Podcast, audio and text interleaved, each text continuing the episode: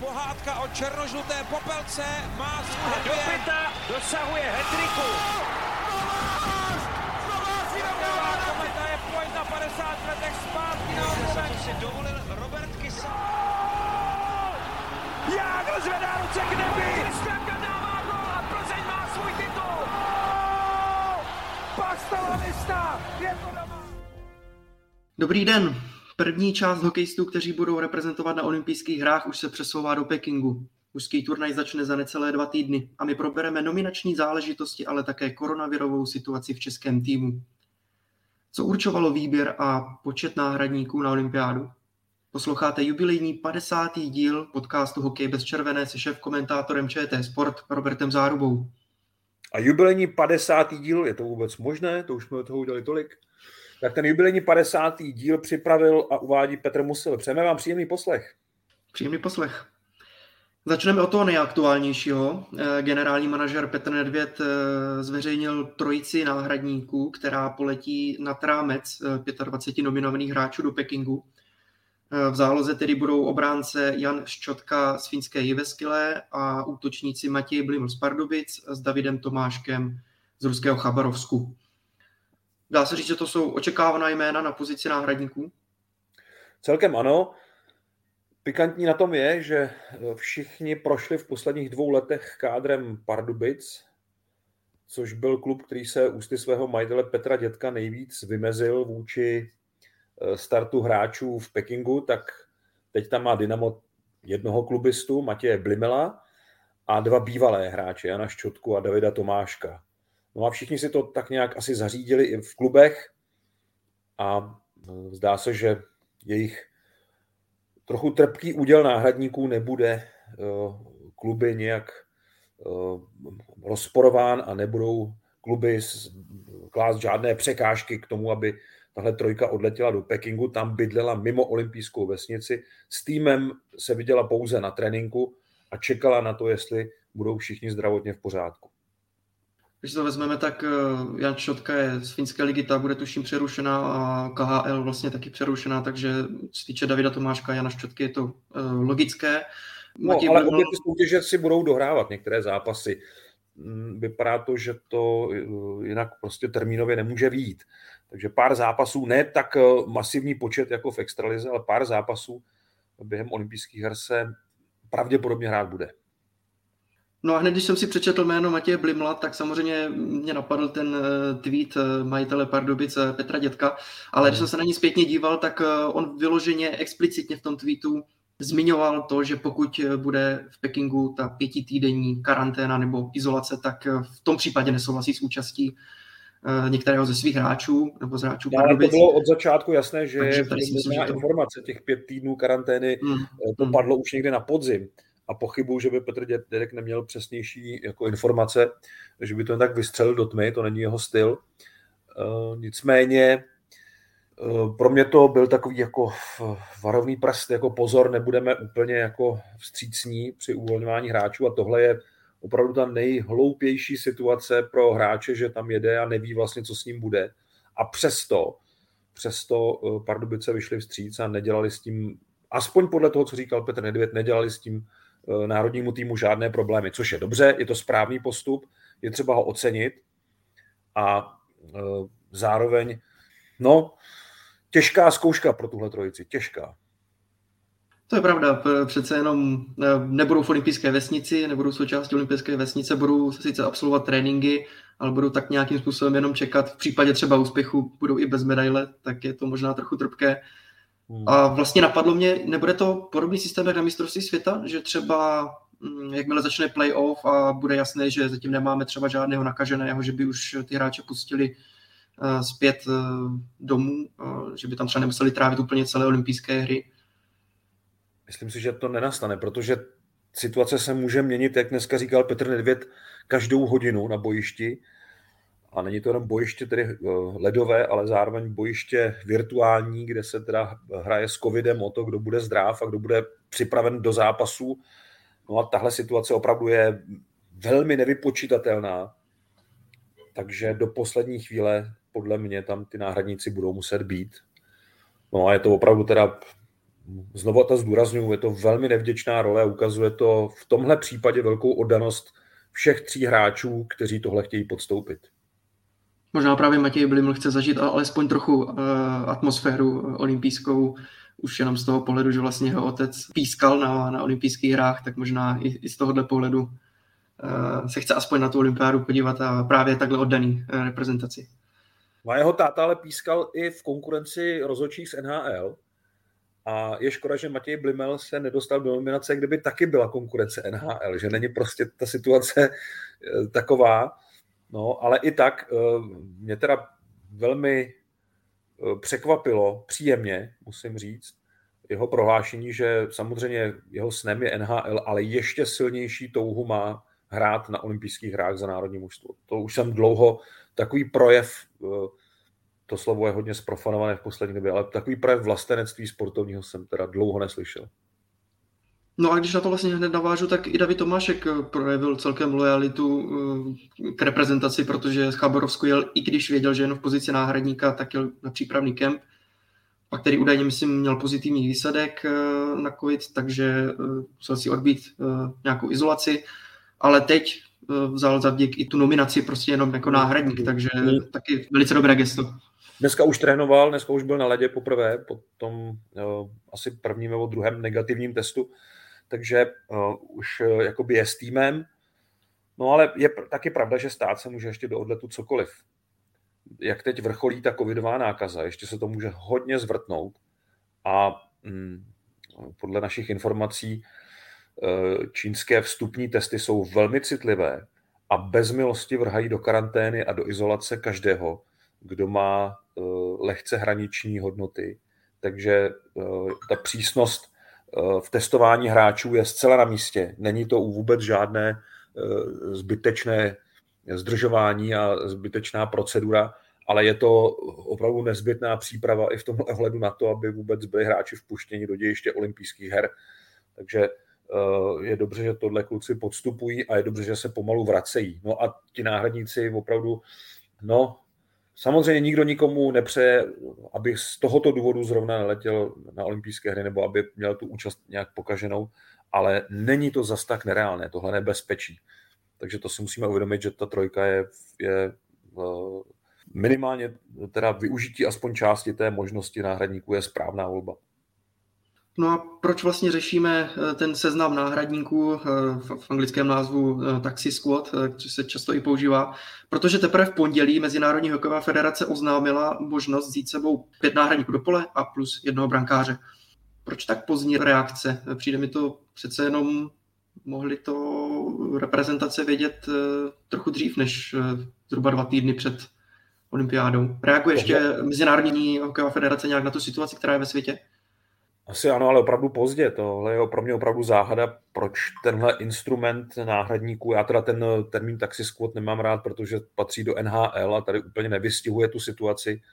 Tohle jsou spíš eh, hotel squad, nebo jak bych to nazval. Eh, kluci, kteří nebudou ve vesnici, ale v hotelu, budou mimo, budou čekat na tu, na tu, na tu možnost eh, náhrady ale proč Mezinárodní hokejová federace zareagovala tak pozdě, to opravdu nechápu. Ten problém tady už leží eh, ve výpravách poměrně dlouho. Ty předpovědi ve všech zemích se celkem naplnily, že ta kulminace Omikronu nastane někdy ve druhé polovině ledna, tedy v tom hraničním pásmu. Všichni věděli, jak Číňani budou přísní, eh, až jako, až jako na můj vkus možná až moc Eh, s ohledem na to, že ten Omikron naštěstí to není úplně ta nejhorší varianta toho viru, takže jsou, že jsou možná až příliš úzkostliví, ale oni nechtějí mít prostě covidový problém na olympijských hrách. Paradox, protože právě Čína v vozovkách darovala světu tuhle zábavu posledních eh, dvou let, eh, tenhle hnus, který přišel prostě z, z Číny, tak teďka Čína je nejpřísnějším kontrolorem. Tohle je úplně paradox, snad největší, ale ale podmínky jsou tak nastavené a nedá, nedají se změnit, nedají se obejít. Takže eh, podle mého soudu Mezinárodní hokejová federace měla s tímhle přijít mnohem dřív, nebo minimálně aspoň uh, uvést tu eventualitu.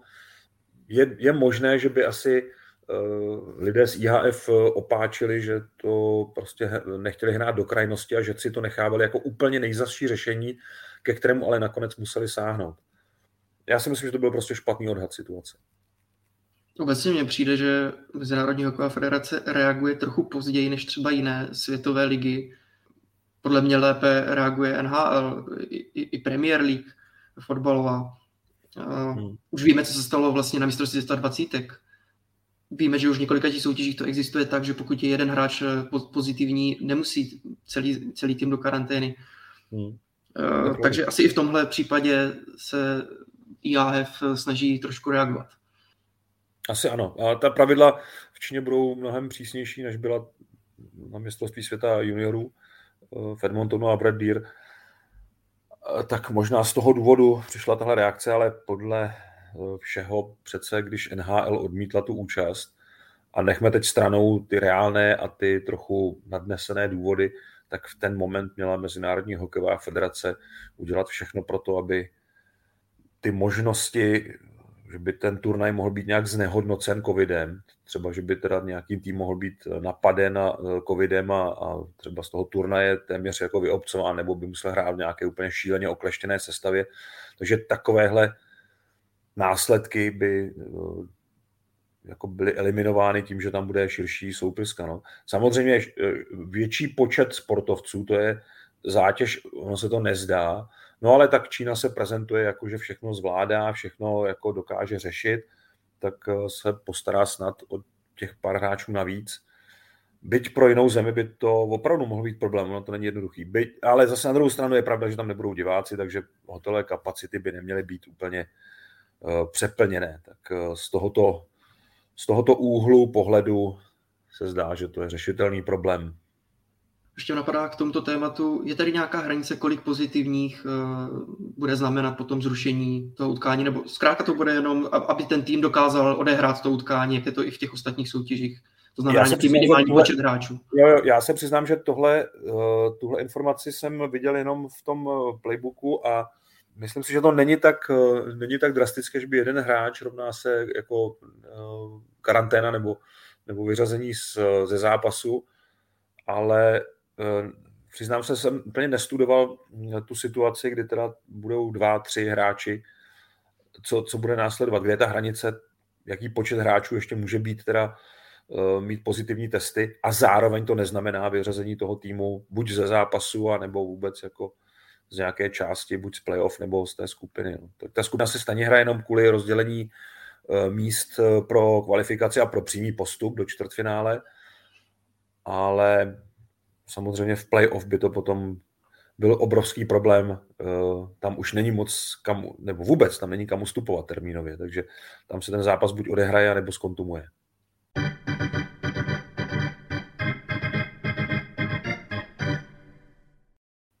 No a když se tedy vrátíme k českému týmu, tak eh, reprezentace využije pouze eh, tři tedy náhradníky z toho možného počtu mohlo být teda pět eh, do pole a plus ještě jeden brankář. Využijeme tři náhradníky a vysvětlil to generální manažer Petr Nedvěd, eh, cituji.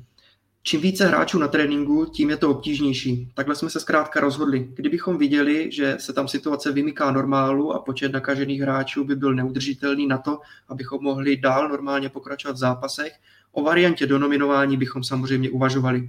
To bychom ale řešili operativně jak složité by bylo logisticky ještě doplňovat náhradníky, aby ještě přiletěli do Pekingu, už jenom v tom ohledu, že eh, akreditace sportovců i novinářů je hodně složitá, eh, hodně důkladná. Nebyl by tohle problém, kdyby ještě Česká reprezentace chtěla nějakým způsobem reagovat v dějišti.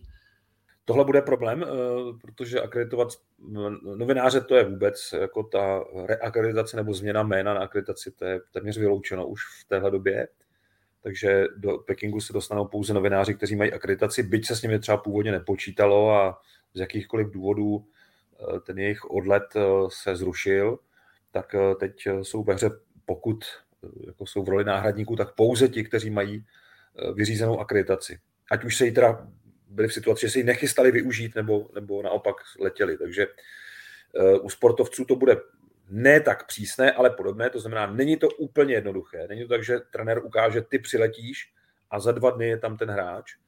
to možná šlo třeba v Salt Lake City 2002, ale nebude to tak jednoduché. Šlo to v Pyeongchangu ještě 2018, ale nebude to tak jednoduché v Pekingu 2022. Tam eh, naštěstí, ale si myslím, že ta třicítka hráčů, která byla na tom doplňkovém seznamu, měla rovněž nějaké předběžné procedury akreditační vyřízené, že manažer Jan Černý tohle neponechal náhodě a Eh, tím pádem eh, by to nemusel být takový problém, ale musí se ukázat potom na někoho z toho, z toho seznamu, jestli má 30 men nebo 50, to není podstatné, ale myslím si, že kdyby teďka vytáhli z klobouku nějaké nové jméno, takže to, to by asi eh, bylo dost obtížné takového hráče dostat na olympijské hry, takže proto se dělá i ta dlouhá soupiska, aby tam byla možnost rychle akreditovat někoho dodatečně z jakýchkoliv důvodů. Takže myslím si, že by to nemusel být až takový problém, ale není to úplně jako lusknutím prstu, to zase taky ne. Petr Nedvěd ještě dnes po zveřejnění náhradníků prohlásil, když budu citovat, musím to hodnotit velice pozitivně, kluci měli zájem a s manažery klubů to bylo podobné. I když jsou to náhradníci pro ten taxi squad, žádný z manažerů do toho nechtěl házet vidle. Všichni to podpořili a hráči to uvítali i za těchto podmínek.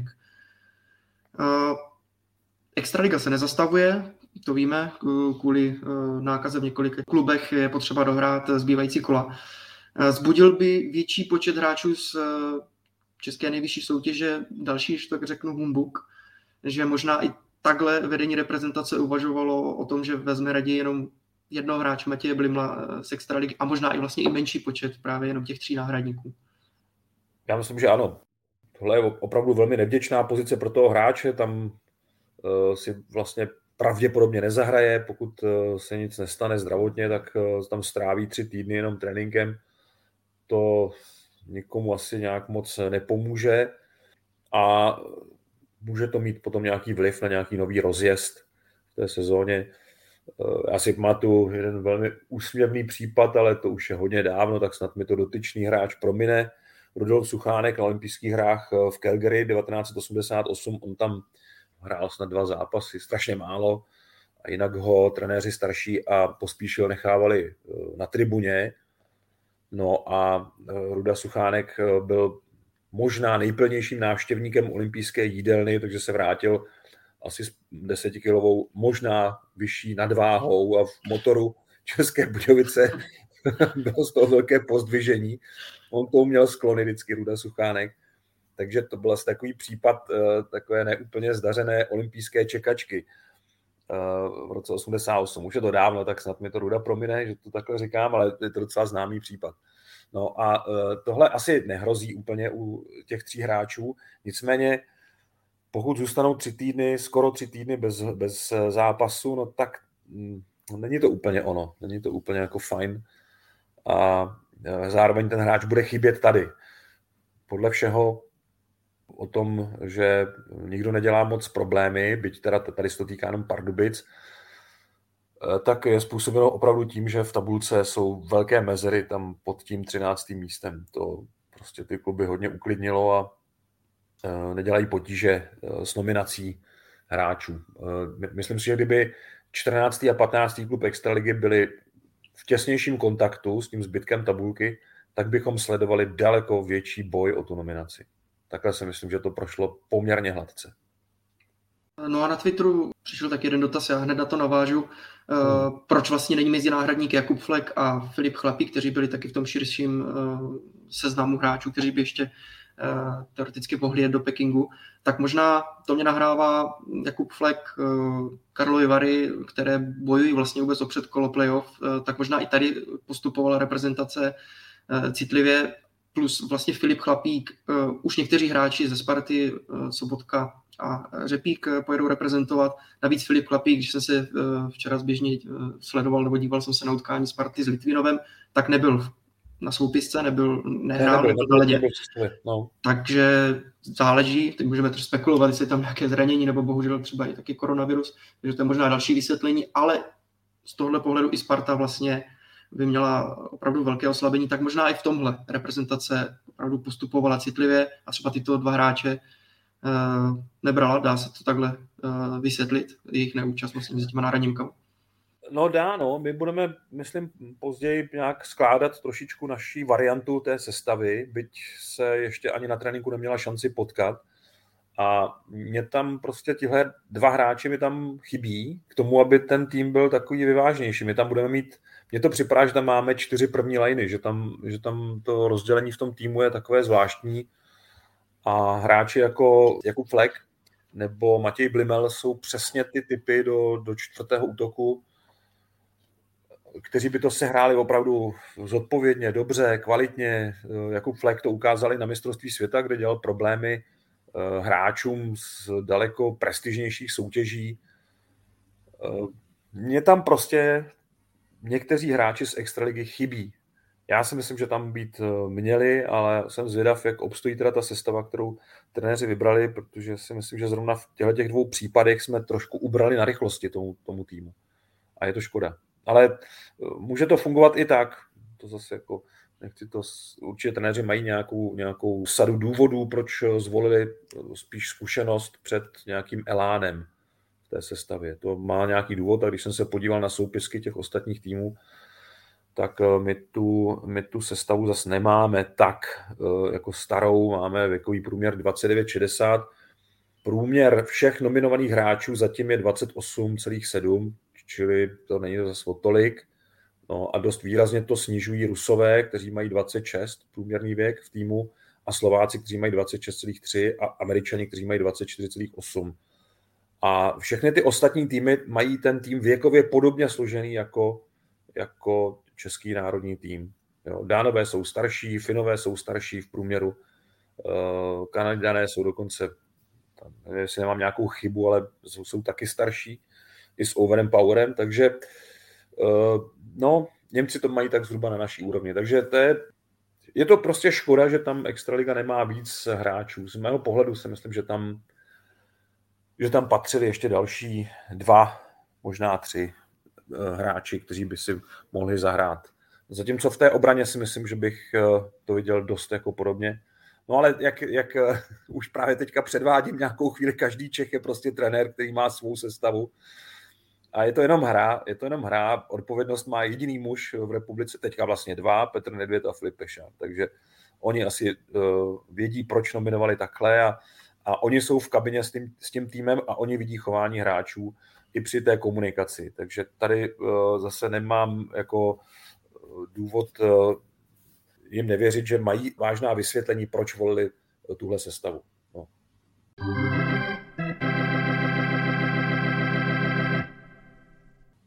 A Filip Pešán na tiskové konferenci eh, před 14 dny, eh, kdy se oznamovala vlastně v té době předběžná nominace, eh, prohlásil, že nominace se bude ještě dramaticky měnit, ale nestalo se tak a v sobotu se přidal pouze David Musil do té 25 hráčů, kteří pocestují do Pekingu. Volbu obránce Třince kouč národního týmu vysvětlil v pořadu Hokej jeden poté. Tak my jsme komunikovali s Láďou Šmídem, čekali jsme eh, na, na to, jak se rozehraje po té pauze, čekali jsme eh, na to, až uvidíme nějakého zápasy. Eh, chtěli jsme mít takového psa obranáře, který, který se umí pohybovat na malém prostoru, který má velikost a který, který bude bránit brankoviště. A, a Láďa Šmíd bych tomu určitě ještě něco přidal do ofenzivy. Eh, bohužel jsme eh, neměli šanci Láďo vidět ve více než eh, ve dvou zápasech do té doby a to je hrozně málo na to, abychom zjistili, jestli Láďa bude schopen se dostat do formy a bude schopen sehrát kvalitní turnaj. Tak jsme sáhli po této variantě s Davidem a ten je rozehraný, ten je připravený.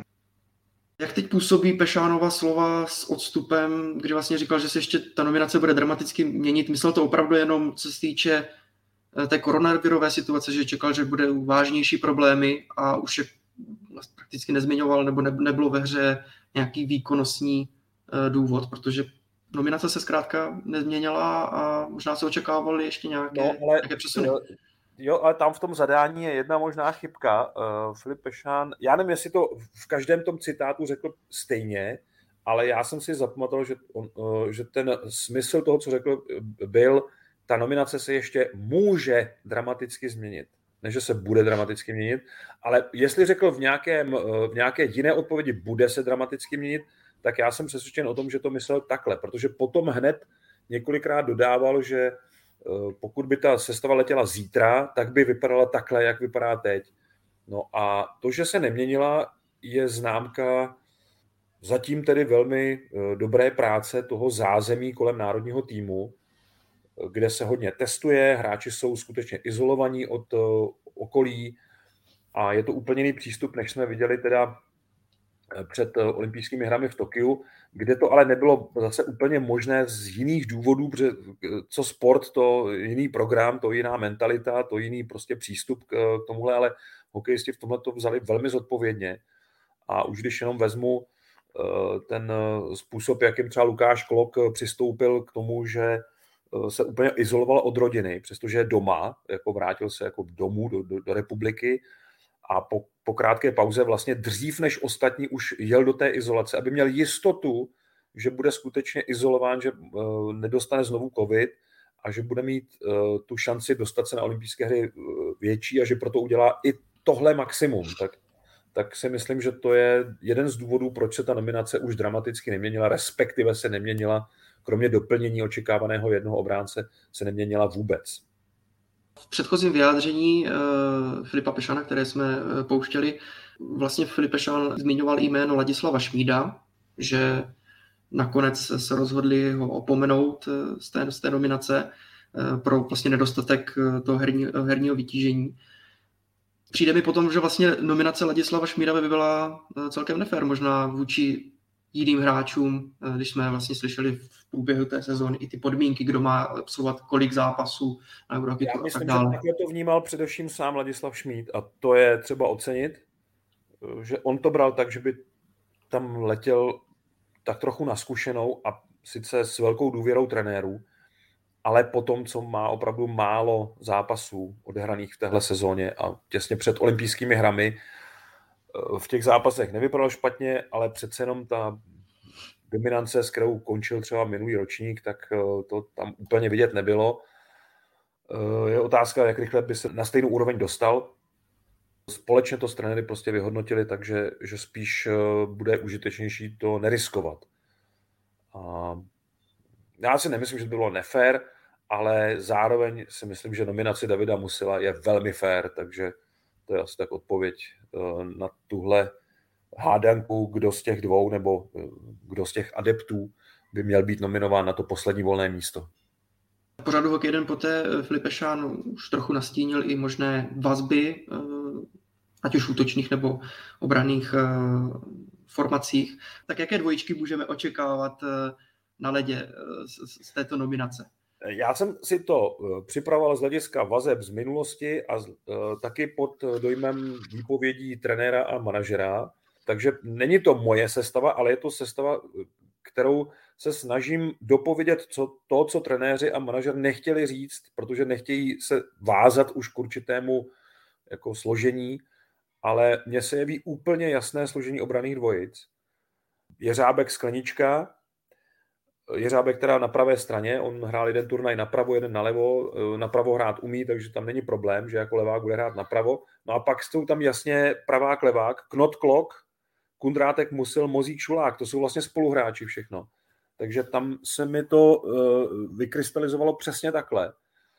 A je otázka teda, jestli hrát na 7 nebo na 8 beků. V posledních letech hrajeme hodně na 7 obránců, no ale uh, s tím, že Libor Šulák je obránce tak jako hodně do přesilovek, Jakub Jeřábek je obránce do přesilovek, Lukáš Klok může hrát přesilovky, mm, takže eh, uvidíme, kde, kteří dva obránci, jestli, jestli teda budeme hrát na dvě přesilovkové pětky, což je teda standard. No ale co je teda pro mě absolutní chaos, nebo co si umím těžko představit, je složení útoků, tam opravdu, jak už jsem říkal předtím, já tam těžko hledám jakoby ten rozdíl mezi těmi třemi útoky a tou čtvrtou a pátou lineou potenciální, protože eh, problém je, kam umístit Michaela Frolíka, eh, jak poskládat ty, ty útočné řady. Mně se třeba jeví jako logická ta vazba Řepík, Sobotka a zároveň Sobotka Červenka, tedy takový spartiansko-slavistický útok. Jeví se mi logické spojení Špaček Stránský a k něm Radan Lenz. Tahle trojka hrála velmi dobře v minulé sezóně v národním týmu a na mistrovství světa nevím, proč tak rychle z ní trenéři jako ustoupili, ale byl to náš nejlepší útok na EHT.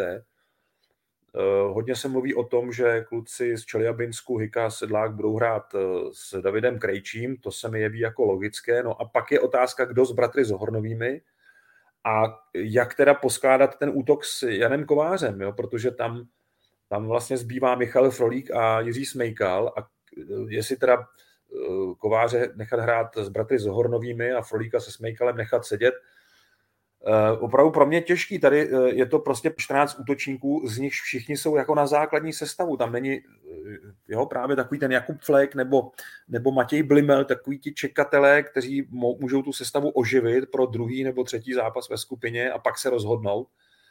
Ale tady to právě v tomhle budu velmi zvědav, jak, jak Filip Pešán, to, co mu Petr Nedvěd teda nanominoval, a já si myslím, že to dělali spolu, tak jak to, jak to mají vymyšlené, ty, ty útoky. To bude hodně zajímavé sledovat. Eh, já vím, že to nerozhodne úplně eh, nakonec, když ten tým bude mít opravdu dobrý charakter a, a tak je celkem jedno, jak ty liney budou poskládané, ale je to taková zajímavá hra vždycky a každý fanoušek si s tím hraje, každý novinář si s tím hraje, takže eh, tohle, tohle bude docela zajímavý úkol k, k řešení. Zatímco v obranách to vidím úplně jasně, a zase, to se nemusím trefovat, ale připadá mi to logické, jako jedno z logických jako řešení, tak v těch útocích teda tam se nabízí uh, variant opravdu hodně. Jak, jak ty dvojice doplnit uh, do kompletních útoků. Taky jsem si zahrál na trenéra, tak nějak podobně jsem si to tady skládal. Smejkala mám uh, právě ve čtvrté léně s bratry Zohornovými. No a Taky nevím. No a, kde máte, a, kde máte, no jo, a kde máte teda ale eh, Jana Kováře teda? Jana Kováře uh, zkoušel, teď nevím, uh, jestli správně jsem si, si, si vzpomněl, Jan, uh, Jan Kovář hrál uh, s Frolíkem v Rusku, je to tak? Nebo, nebo hrál ke Krejčí s Frolíkem? Mám no, uh, Jana David Kováře s hrál, Ne, ne, ne, David Krejčí hrál jenom první zápas a pak na jeho místě hrál Michal Špaček. A uh, Michal Frolík tam hrál, ale, ale jo, to se, to se nabízí. Frolík, Kovář, někdo, jo, ale, ale pak, jo, už jenom ty, ty mhm. centry, už jenom ty centry tam prostě nevycházejí, tam je, tam je centr Jankovář, ten je jasný, Uh, a pak je otázka Sobotka nebo Červenka, já si myslím, že spíš Vladimír Sobotka na centru, Michal Špaček, jasný centr, David Krejčí, jasný centr, jo, a uh, Sedlák bude hrát určitě na křídle, uh, což už je teda vynucené tím, že čtyři centry máte, a teďka, jak to kolem nich jako, jako poskládat, no. Tam opravdu jsem moc vědav, jak to bude, jo, je hloupost hrát dvojici Hika Sedlák, takže ty ti budou hrát pravděpodobně s nějakým pevným centrem. Logicky se tady nejvíc nabízí právě David Krejčí nebo Jan Kovář. No, tohle bude opravdu hodně zajímavé, jak to trenéři jako vidí. Centru je tam moc, některý bude muset z kola ven. No. A když, no to Sobotka, a když no. Sobotka už to vlastně nastínil Filipe Sobotka by no možná byl hrát s červenkou. Jo, no to, by, to, to se nabízí. A koho máte v, jako v té páté dvojici? Radan Lenz. A já jsem počítal s tím, že Špaček eh, by hrál na křídle, protože on to zvládá. Jo, to může. teoreticky mohli třeba ke Kovářovi a mám tam teda Frolíka, ale je to opravdu všechno. Jo, to by a mám šlo. tam teda zatím, zatím Stránského mám mimo sestavu, jenom že zase říkám, že to je jeden z mála střelců v té sestavě, takže, no, jasně. takže no, to by taky je, to, šlo, je to ale, opravdu těžký. No, ale, ale zase mě líto, protože Michal Špaček na tom centru hrál moc dobře. Uh, turnaj Karely odehrál opravdu výborně a v minulé sezóně byl jako centr nejlepší útočník národního týmu. Tak mě to přijde jako škoda ho, ho stavět na křídlo, ale věřím, že by to zvládnul. No. Ale tohle bude opravdu, a jenom si vemte ten přetlak v přesilovkách, kolik hráčů tam máme na přesilovky. To je jako, jo, na oslabení tam je Smejkal, může to hrát Řepík, může hrát Sobotka, může hrát Sedlák, Zohornovi může hrát oslabení, ale na přesilovky tam může hrát úplně kdokoliv z těch 14 tím pádem se dá dát za pravdu Filipu Pešánu, že vlastně pokud se rozhodl teda pro jiné hráče, tak pro Milana Gulaše zase už moc toho prostoru. Ne, bylo. ne, z tohle, to samozřejmě tenhle důvod je jako racionální. Ať si o nominaci Milana Gulaše myslíme cokoliv, tak tohle samozřejmě dává smysl. I když teda, když už jsme zase zabrousili k tomhle jménu, zopakuju, nevím, co víc měl Milan Gulaš teda udělat, aby, aby jak kolik dalších podmínek, když splnil všechny, které mu dali ne, ne jemu, ale komukoliv a on je, jako jeden z mála je splnil a není v té nominaci, tak to si myslím, že eh, jak nejsem přítel těch nominačních telefonátů, tak tohle za ten telefon asi stálo. Já možná předám jenom osobní pohled, když jsem poslouchal vlastně rozhovor Filipa Pešána pro pořadok jeden poté, možná mě jenom trochu, teď nevím, si říct, zmrzelo nebo zarazilo. Asi tam nemusel být eh, výraz, že Milan Gulaš je určitě velký, velký kluk a, a že to nějakým způsobem pochopí. Přijde mně, že, že nejenom, že tam nebyl ten telefonát, ale možná ta celá situace okolo Milana Gulaše trošku Filipa Pešána ještě trošku popudila. On svým jednáním eh, víme, že to je takové eh, vyjádření jsou někdy trošku peprnější, když tak řeknu, tak možná v tomhle případě mě to úplně neseděl, nemuselo to tam být. No ale, ale jako zase na druhou stranu, já vím, že kritiku Filipa Pešána přibývá s tím, jak uh, výsledky národního týmu jdou dolů, ale jestli mu něco nemůže jako nikdo vytknout, tak je to pří, přímo čara s tom jednání, a to i v jednání eh, směrem do médií. Uh, tady možná diplomaticky trošku zaostává za těmi zkušenějšími, staršími předchůdci, věřím tomu, že takový Láďa Vujtek třeba by to takhle neformuloval. No ale, ale Filip Pešán, my jsme tam chtěli jako razantního člověka, tak já zase nevím, jo, teďka my chceme, aby byl razantní, zároveň teda Filip Pešán si uh, vytýčil, že bude na střídačce působit velmi klidně, tak my zase někdy ho chceme, aby byl jako hodně emotivní, razantní, někdy zase nechceme, aby byl emotivní a přímočarý. Uh, já bych nechal prostě tohleto stranou, jo, to, to Nejlíp si to vyříkají ti dva aktéři, hráč a trenér. A uh, uvidíme. Já bych to ještě neviděl tak jako za, zakopané tu, tu, tu naději pro Milana Gulaše v národním týmu, jak se to teď jeví zrovna. Ale to bude to chtít čas. Přeci jen uh, ještě jedna věc. Uh, je to na delší povídání, samozřejmě to, na to nemáme asi tolik času ani, no, ani tento podcast. Hodně ale... už to. už je hodně odboček přece jen, uh, ale tyto peprnější některá vyjádření, protože Filip Peša nastupoval do uh, role šéf trenéra uh, českého hokeje a hlavního trenéra uh, reprezentace s tím, že chce zlepšit uh, tu hokejovou kulturu v prostředí českém. A nerozděluje to tady, tady trochu, protože přece jenom těch určitých takových sporů už bylo víc, něco i na mistrovství světa, teď tady taková vyjádření, nerozdělí to spíš tu, tu hokejovou veřejnost, než aby to spojovalo? Eh, my jsme chtěli, aby trenér národního týmu jednal otevřeně. Filip Pešán jedná maximálně otevřeně. Eh, řekl bych, že v těch vyjádřeních směrem k veřejnosti je nejupřímnější. A teď to nemyslím zlé vůči těm předchůdcům, protože oni často spíš zamlčovali ty věci se snahou nepoškodit ten tým. A ne vždycky to úplně bylo v pořádku. Ne vždycky to mělo ten očekávaný dobrý účinek. A Filip Pešán je tady hodně přímočarý, já mu můžu rovněž vytknout mnoho jako různých jako invektiv, to, ale my jsme přece chtěli, aby uh, ten trenér byl otevřený, upřímný a aby byl co možná nejvíc eh, sdílný směrem k veřejnosti, aby, aby odkrýval své plány a záměry a, a nevím, tak eh, zase je trošku pokritické teďka mu vyčítat, eh, že je takový, jak, eh, jak jsme chtěli. Je pravda, že ano, on nastoupil a první bod té agendy, kterou si jako předsevzal, byla změna kultury chování v českém hokeji. No ale to bude chtít asi i na jeho straně trochu víc času a a možná i trochu lepší výsledky. Ono se to špatně dělá, ta změna kultury chování, když vám ty výsledky prostě nejdou. Já si myslím, že v tomhle tom je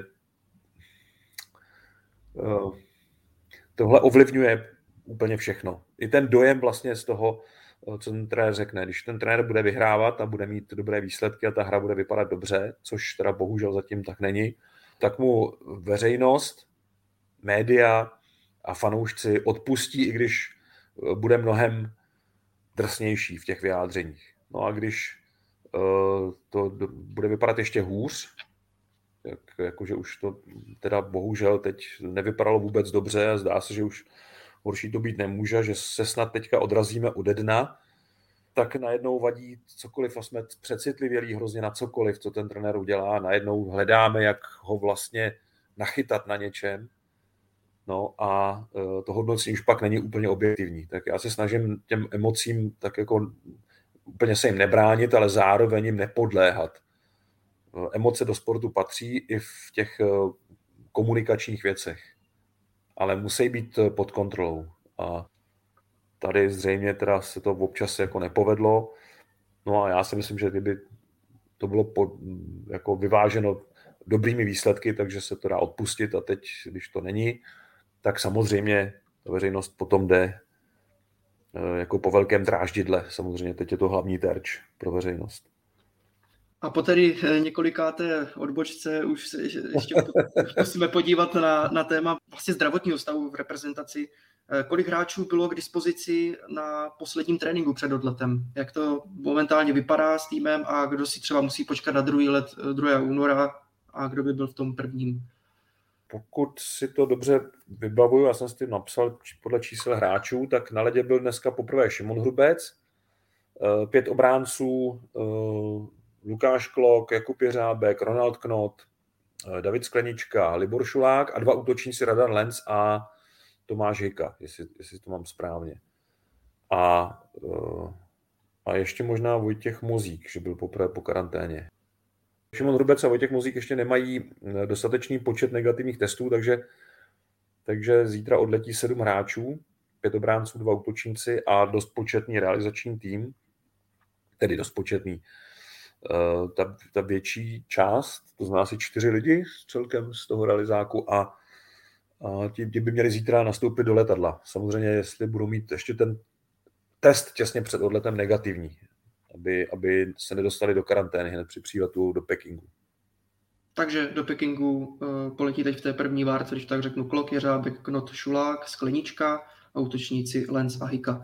Co jsem slyšel, tak i teda tady s trenérem Eh, Filipem Pešánem, je. a který z trenérů tedy zůstane ještě v Praze a, a bude koučovat vlastně tu druhou no, skupinu, no, která... No na, seznamu, na, seznamu nebyl, na seznamu nebyl Jaroslav Špaček a Martin Straka, těch toho odletu na zítra, jestli jsem teda správně poslouchal.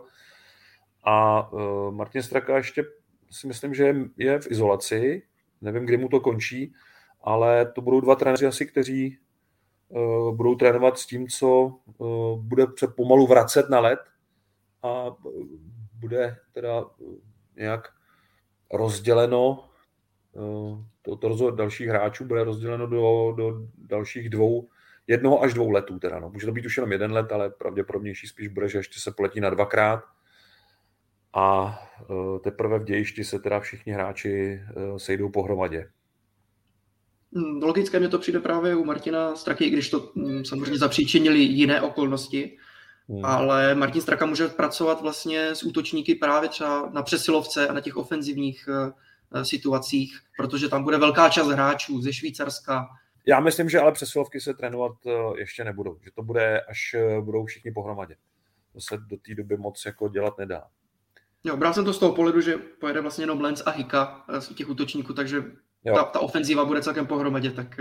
No, ale tam bude určitě chybět přesilovkový obránce. Jako Eh, Lukáš Klok nebo Libor Šulák nebo Jakub Jeřábek jsou v té první várce odletů a eh, ti hráči, kteří by s nima připadali v úvahu do přesilovek, tak zůstávají tady, takže bez nich to určitě trénovat eh, nebo určitě, no, můžou to zkusit, ale nebude to prostě kompletní nácvik.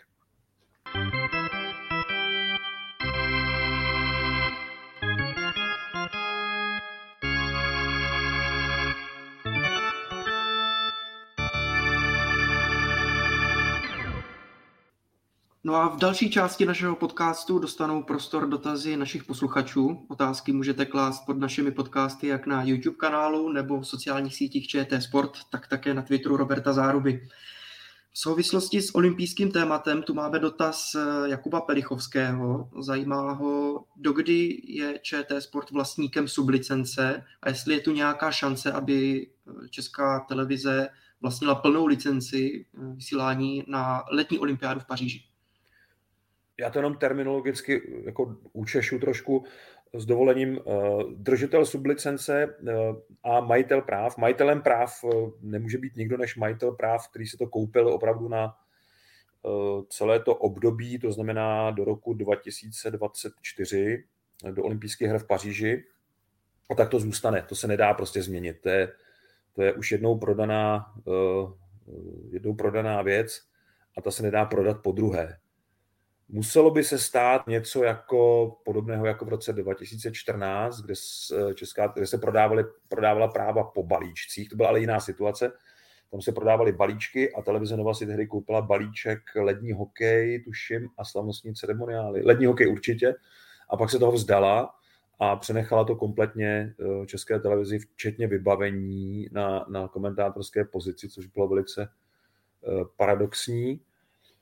A eh, znamená to tedy, že česká televize může být na nejvýš držitelem sublicence i na příštích olympijských hrách. To znamená se všemi těmi omezeními na jeden program, na počet hodin premiérového programu a se všemi náležitostmi, kdy tedy nejsme ten, kdo volně disponuje eh, tím olympijským programem, ale musíme dodržovat eh, určitá pravidla eh, jako druhý vysílatel v pořadí, tedy jako držitel sublicence.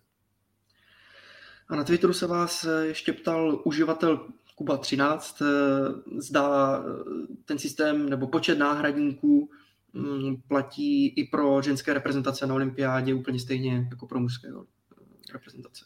Pokud se nepletu, tak ano, tak je to Eh, tak je to rovněž 5 eh, plus 1, ale ještě jsem nečetl ta jména. Já si myslím, že to je ještě v jednání.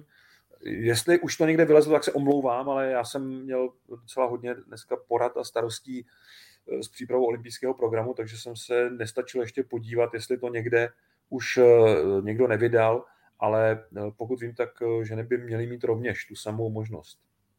Tak já jenom doplním, že eh, podle informací, co jsem četl dnes eh, odpoledne, tak eh, je vlastně problém i na kempu v Litoměřicích, kdy se tam taky objevila nákaza koronavirem, tím pádem možná proto to ještě není známé, protože vlastně zatím nikoho Tomáš Pacina ani nemůže. Jo, já myslím, že Natálie Mlínková, jestli se nepletu, tak, tak měla pozitivní test ta byla v té eh, prvotní nominaci, tuším, a vlastně i na tom kempu, na to, v tom záložním týmu v Litoměřicích, no. tak uh, se taky vyskytla nákaza, takže možná proto nejsou známy náhradnice, tak jako u mužské reprezentace. No, a ale... z té původní nominace česká nebo ženská reprezentace určitě neodle, neodletí v kompletním složení, protože útočnice Natálie Blinková měla pozitivní test a měla by no, přiletět no, to, v tom dalším. To jsem, to jsem teď říkal, no, že Natálie Blinková měla pozitivní test a e, nemůže, nemůže odletět. Ale jinak e, o, o dalších teda nevíme. Takže je docela možné, že e, dámy tím prošly poněkud úspěšněji a rychleji než, než pánové v KHL.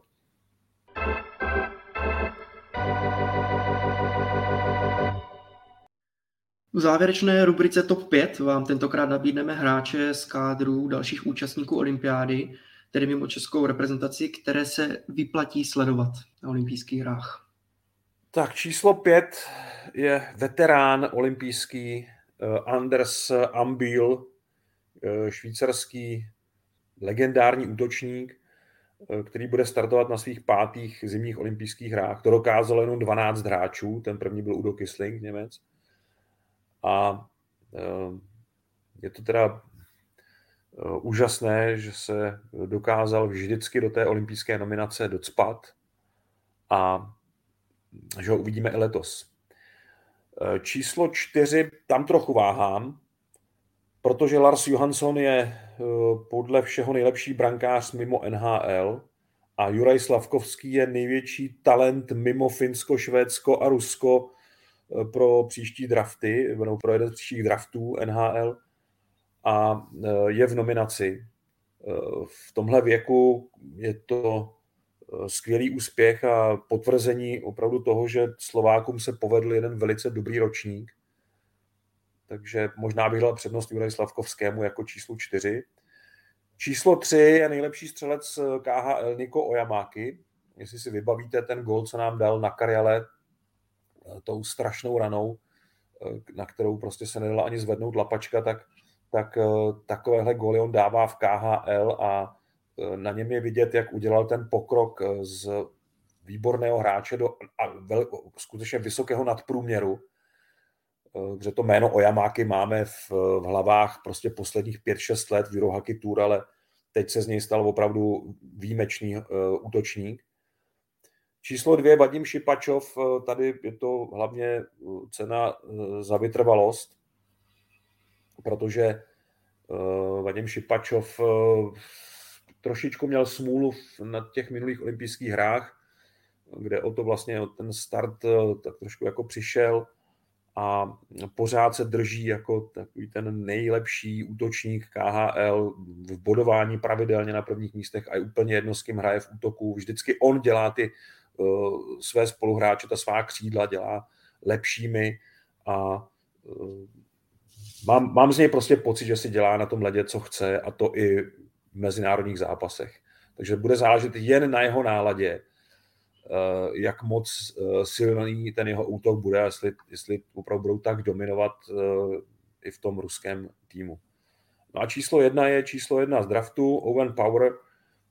Kanada si dala záležet na té nominaci, aby tam měla aspoň pár těch svých velkých talentů. Mason McTavish nakonec v nominaci vedle třeba Erika Stola, který Eh, který eh, vlastně je člen eh, Triple Gold Clubu a jede tedy jako vůdce toho kanadského výběru na olympijské hry, ale nad nimi ještě mám teda já toho Ouna Paura, který hrál opravdu fantasticky na mistrovství světa.